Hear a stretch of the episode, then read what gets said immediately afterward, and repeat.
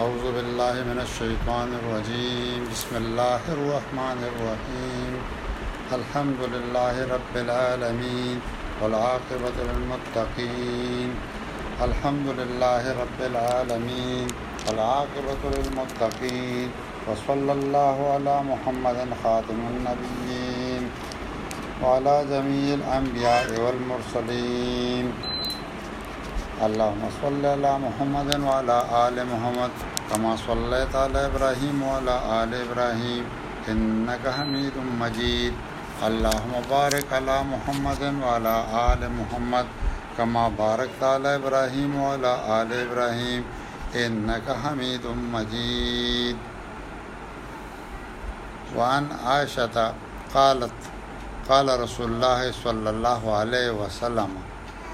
ما عمل ابن آدم من عمل النحر أحب إلى الله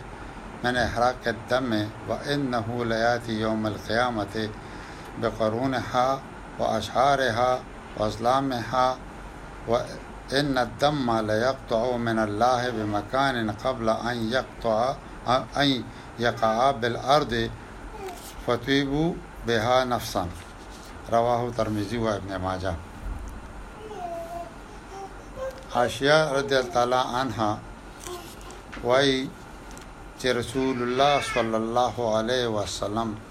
او فرمایل چې د قربانې پر ورځ یو عملم داس نشتا چې هغه الله تعالی تر طرف ته د وینې تیول نه زیات محبوب وي یعنی د قربانې د وینه زیات محمودی او هغه به یعنی دا قربانی به د قیامت پر ورځ راځي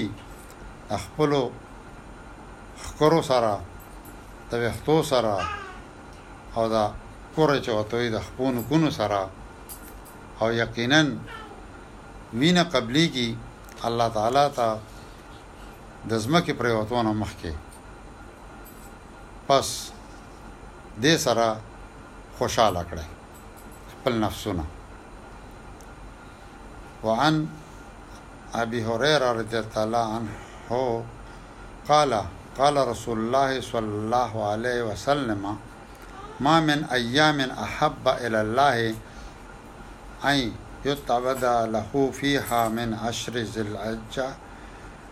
يا دل و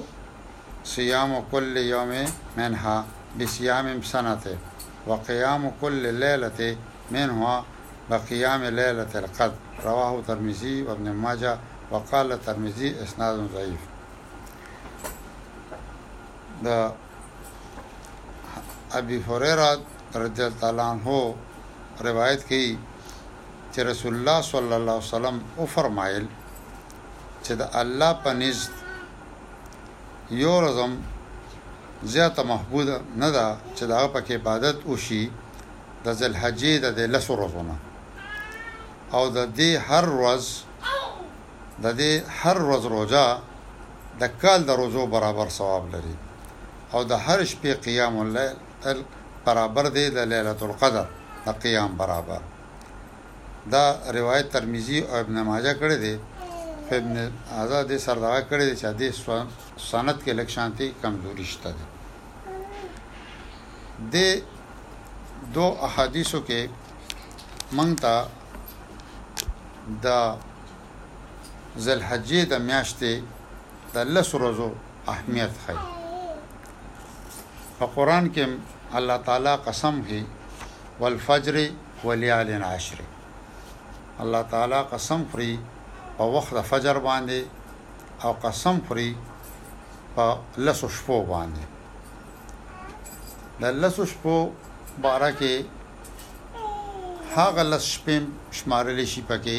چې کوم د رمضان اخیرنې لس شپې دي او د ذلحجې لومبنې لس ورځې شمارل شي حسابېږي چې دا هغه ړومبنۍ لس ورځې دي او د دې لس رو کې د روجیو نیولو د نه ورځو ډېر لوی اجر ثواب دی او په دې کې د قیام الليل ډېر لوی ثواب دی د ذکر اسکار او په دې لس ورځو نورم ډېر کارونه دی چی هغه پکی کول دی ان شاء الله هغه به موږ په سبانی درس کی شاملو چی د ذلحجی د لس ورځو کوم کوم کارونه دی هغه ان شاء الله موږ مختصرا سبانی درس کی شاملو الله تعالی د موږ له پدې کې د بهتر عبادتونو کولو او د قربانې کولو توفیق راکړي صدق الله العظیم